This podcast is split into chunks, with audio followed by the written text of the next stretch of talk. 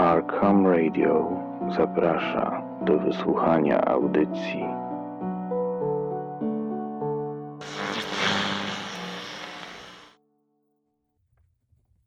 Terytoria plemienia El Muertos, Ameryka Południowa, 1917 rok. Erneście, dotarliśmy. Ostatnie dni obfitowały w wiele przygód, przez co jeszcze bardziej żałuję, że brak mi możliwości wysłania tego listu do ciebie. Prawdopodobnie wszystkie wiadomości, które piszę do ciebie od teraz, dostarczę ci osobiście po powrocie do cywilizacji.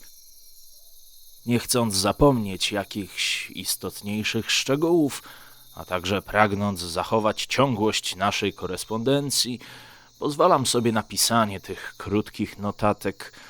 Liczę, że w niedalekiej przyszłości będziemy mogli usiąść razem i omówić wszystko jak należy. Z wioski, z której zabraliśmy naszego przewodnika, Antonio, pisałem ci o tym w ostatnim wysłanym liście, wyruszyliśmy łodziami w głąb dżungli. Plan zakładał pięć dni wiosłowania z przerwami nocnymi w górę jednej z bezimiennych odnóg Amazonki.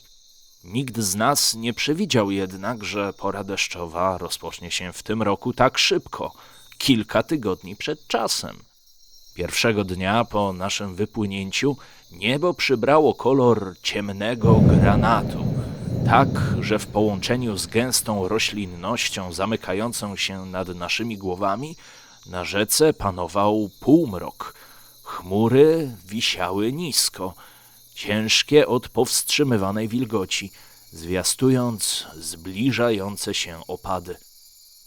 We mgle majestatyczne stare drzewa, o których tyle zawsze opowiadałeś, przybierały upiorne kształty. Nasza wyobraźnia, nieprzyzwyczajona do takich warunków, podpowiadała natarczywie, że zbliżamy się do pierwotnego i głębokiego niebezpieczeństwa. Żaden z nas nie próbował zagłuszyć obaw rozmową. Milczeliśmy, zatopieni we własnych ponurych myślach. Miarowe odgłosy wiosłowania raz po raz przerywał ogłuszający skrzek jakiegoś nieznanego nam ptaka, od którego lub czego włos jeżył się na głowie. Wieczór przywitaliśmy pierwszymi lodowatymi kroplami deszczu, spadającymi na nasze rozgrzane pracą karki. Musisz wiedzieć, że wiosłowanie w górę rzeki to nie lada wysiłek, po którym mięśnie palą jeszcze wiele dni. W nocy przyszła ulewa, tak monstrualna, że niemożliwym stało się nie tylko rozpalenie ognia czy krótki sen, ale i jakiekolwiek próby przemieszczania się dalej łodziami. Wąska dotychczas rzeka w jedną noc zamieniła się w ryczącego, brunatnego potwora, ciskającego w nurt potężne konary, a nawet całe drzewa. Koszmar! Dżungla wyraźnie chciała nas zniechęcić. Nie po to jednak podróżowaliśmy w niewygodach przez ostatnie trzy miesiące, żeby na ostatnim etapie przestraszył nas kawał lasu. Byliśmy przecież niecały tydzień drogi od wioski dzikich. Przekonaliśmy Antonia, że białych panów nie tak łatwo wystraszyć i dalszą drogę postanowiliśmy przebyć na pieszo, z bagażami na plecach.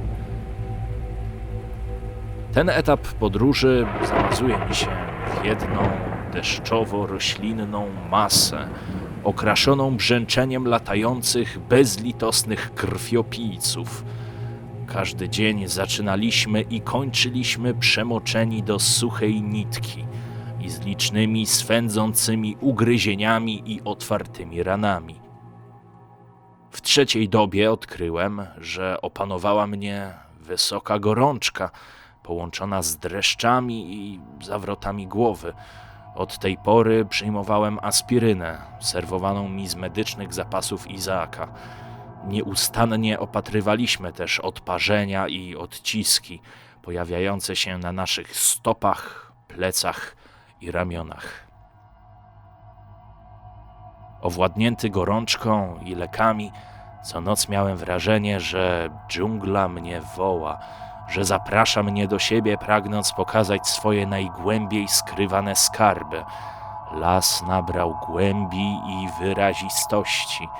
Na każdym kroku coś się rozwijało, rosło, starzało i umierało, a ja stałem się częścią tego procesu. Stojąc wśród drzew, wiedziałem, że zaglądam w przeszłość naszego gatunku, gdzie do tej pory cywilizacja załamywała się jak fala uderzająca o brzeg. Najchętniej oddzieliłbym się od grupy i ruszył zawołaniem dżungli, ale po całym dniu marszu i machania maczetą miałem siłę tylko leżeć i prosić, żeby przyjęła mnie do siebie.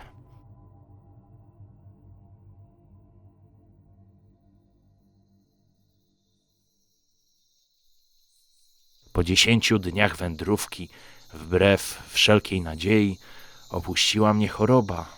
Podobno zbliżyliśmy się już bardzo do celu podróży. Ta wiadomość dodała wszystkim siły i zapału. Za chwilę wyruszymy z chyba ostatniego już popasu, aby spotkać pierwszych w życiu dzikich ludzi. Teraz, kiedy to piszę, wyczuwam zapach dymu z palących się w wiosce ognisk. Mam nadzieję, że w następnym liście będę mógł Ci napisać o pierwszych przeprowadzonych obserwacjach Indian. Tymczasem zbieramy się do drogi. Ufam, że pozostajesz w dobrym zdrowiu. Felix Ludwig Welcz.